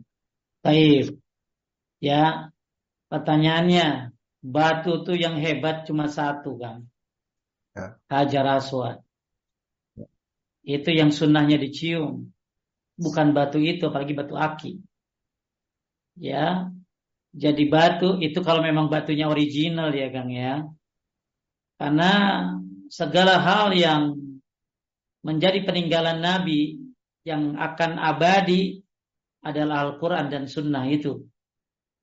Tapi kalau pakaiannya, pedangnya, ya maka itu harus ada riwayatnya kan. Maka itu tadi kan mereka nggak ngasih riwayat. Ya. Tunjukkan sanatnya. Siapa perawinya? Dari siapa, dari siapa, dari siapa, dari siapa, dari siapa, dari siapa, dari siapa, dari siapa, dari Rasulullah Sallallahu Alaihi Wasallam. Ya, dari Uqbah bin Amir, dari Rasulullah SAW. Nah, Islam ini hebat karena ada sanat kan. Ya, nggak ada agama lain yang ada sanatnya. Islam doang ada sanatnya. Maka bagi siapa yang mengatakan ini adalah peninggalan Rasulullah SAW, maka bukan sanatnya. Nah, tadi kan cuma itu tadi kan ya. Cuma nulis doang dia. ya, nulis. Dan batu itu gak tahu batu siapa.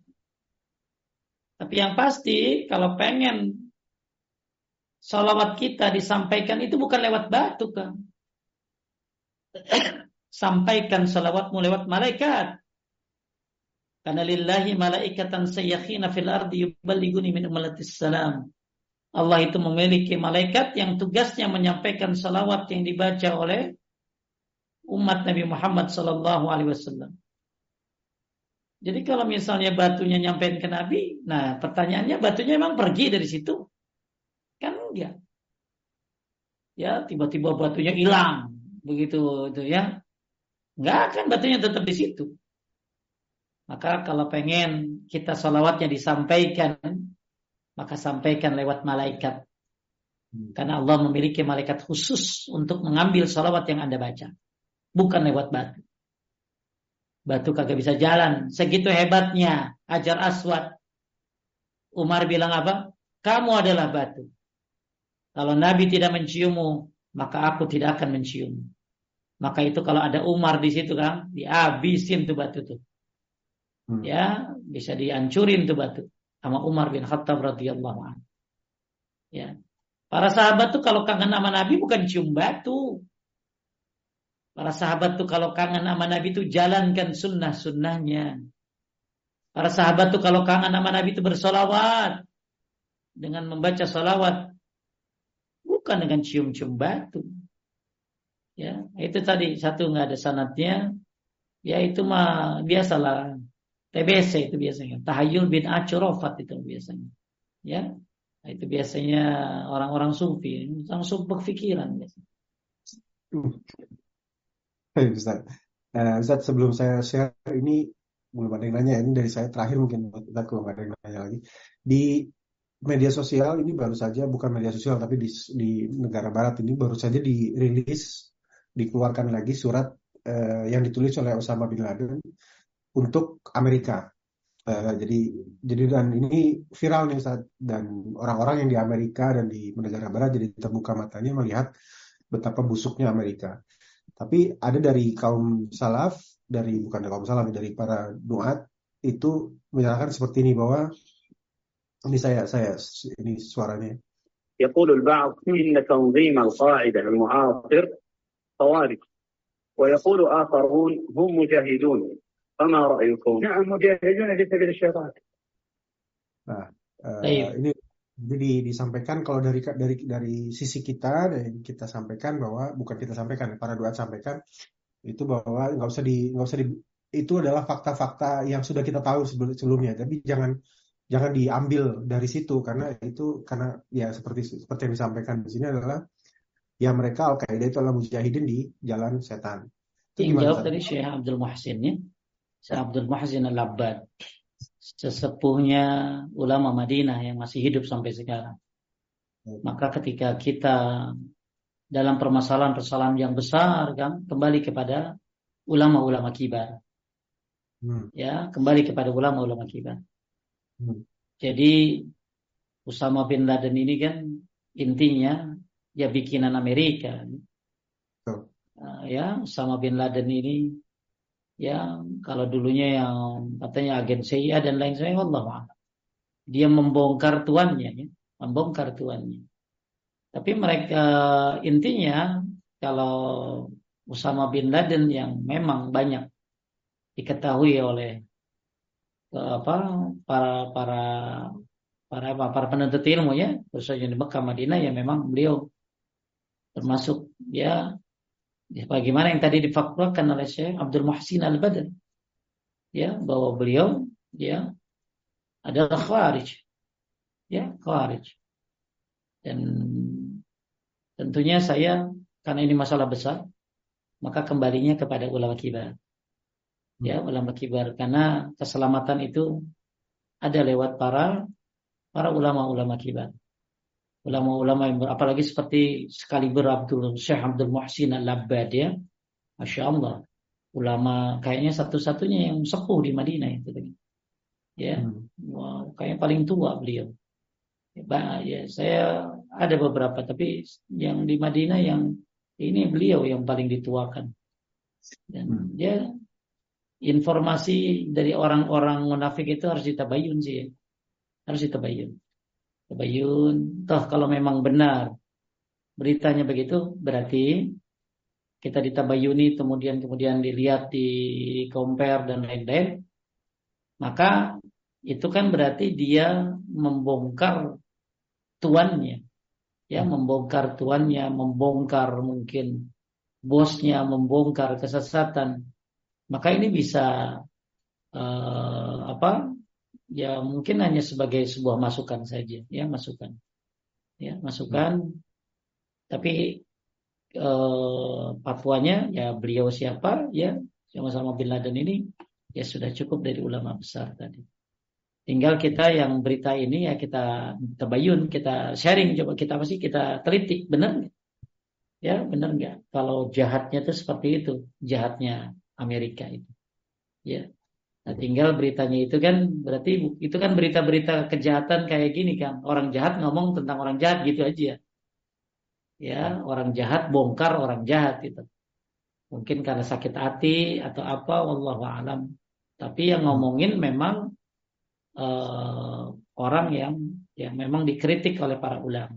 Wallahu a'lam. Jadi baiknya bagi kita untuk menjauhkan diri dari golongan-golongan demikian, Ustaz. Iya, ya.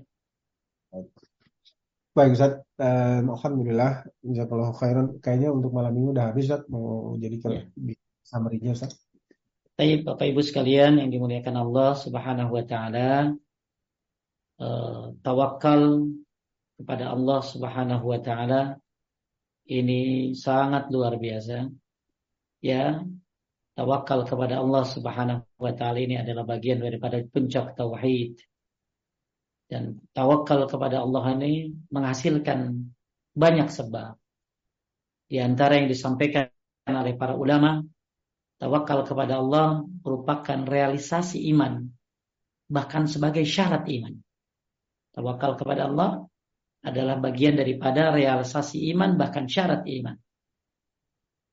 Kemudian yang tawakal kepada Allah menjadikan tenang hati menjadi lega. Ya. Yang kemudian yang selanjutnya yang ketiga tawakal kepada Allah merupakan sebab terkuat dalam mendapat kebaikan-kebaikan dan menolak bahaya. Tawakal kepada Allah yang keempat mengundang cinta Allah kepada hambanya. Tawakal kepada Allah menghasilkan ketaatan hati. Menghasilkan keberanian. Menghasilkan ketetapan hati. Kemudian tawakal kepada Allah menghasilkan kesabaran terhadap musibah. Kemudian yang keenam tawakal menghasilkan kemenangan dan kekuatan. Tawakal kepada Allah yang ketujuh menguatkan tekad dan ketetapan dalam urusan. Tawakal kepada Allah melindungi diri dari pengaruh syaitan. Yang kesembilan, tawakal merupakan sebab menolak sihir, menolak hasad, dan menolak ain. Yang terakhir, tawakal menghasilkan rizki, menjauhkan sifat sombong, menjauhkan dari perbuatan tatayur, dan menghilangkan penyakit-penyakit hati dan menghasilkan sikap ridho terhadap ketetapan Allah dan menyebabkan sebab masuk surga tanpa hisab, tanpa azab. Terlalu hebat tawakal ini. Maka inilah puncak tauhid seorang hamba dan tawakal dari ibadah yang mulia. Dan poin yang ke-10 yang luar biasa ini. Nyata sah tawakal ini menghasilkan rezeki, menjauhi sifat-sifat sombong, menyebabkan kita masuk surga tanpa hisab, tanpa azab, dan menyebabkan kita menghasilkan ridho terhadap ketetapan Allah Subhanahu wa taala. Semoga dimudahkan kita untuk bisa bertawakal. Perkara yang gampang diucapkan tapi berat dalam pelaksanaannya itu bagaimana kembali kepada sejauh apa tauhid kita. Maka penting untuk terus belajar tauhid, belajar tauhid, belajar tauhid agar keyakinan dan tawakal ini terus berkembang di dalam hati kita insya Allah. Terima kasih buat semuanya, terima kasih buat Kang Rashid dan tim semuanya. Barakallahu fikum subhanakallahumma bihamdika asyhadu an la ilaha illa anta astaghfiruka wa atubu ilaik. Assalamualaikum warahmatullahi wabarakatuh. Waalaikumsalam warahmatullahi wabarakatuh. Jazakallah khairan Ustaz atas uh, ilmu dan waktunya. Mohon maaf jika ada kesalahan bagi dalam sikap dan perkataan. Insya Allah kita bertemu kembali di kajian berikutnya. Barakallahu fiikum. Assalamualaikum warahmatullahi wabarakatuh.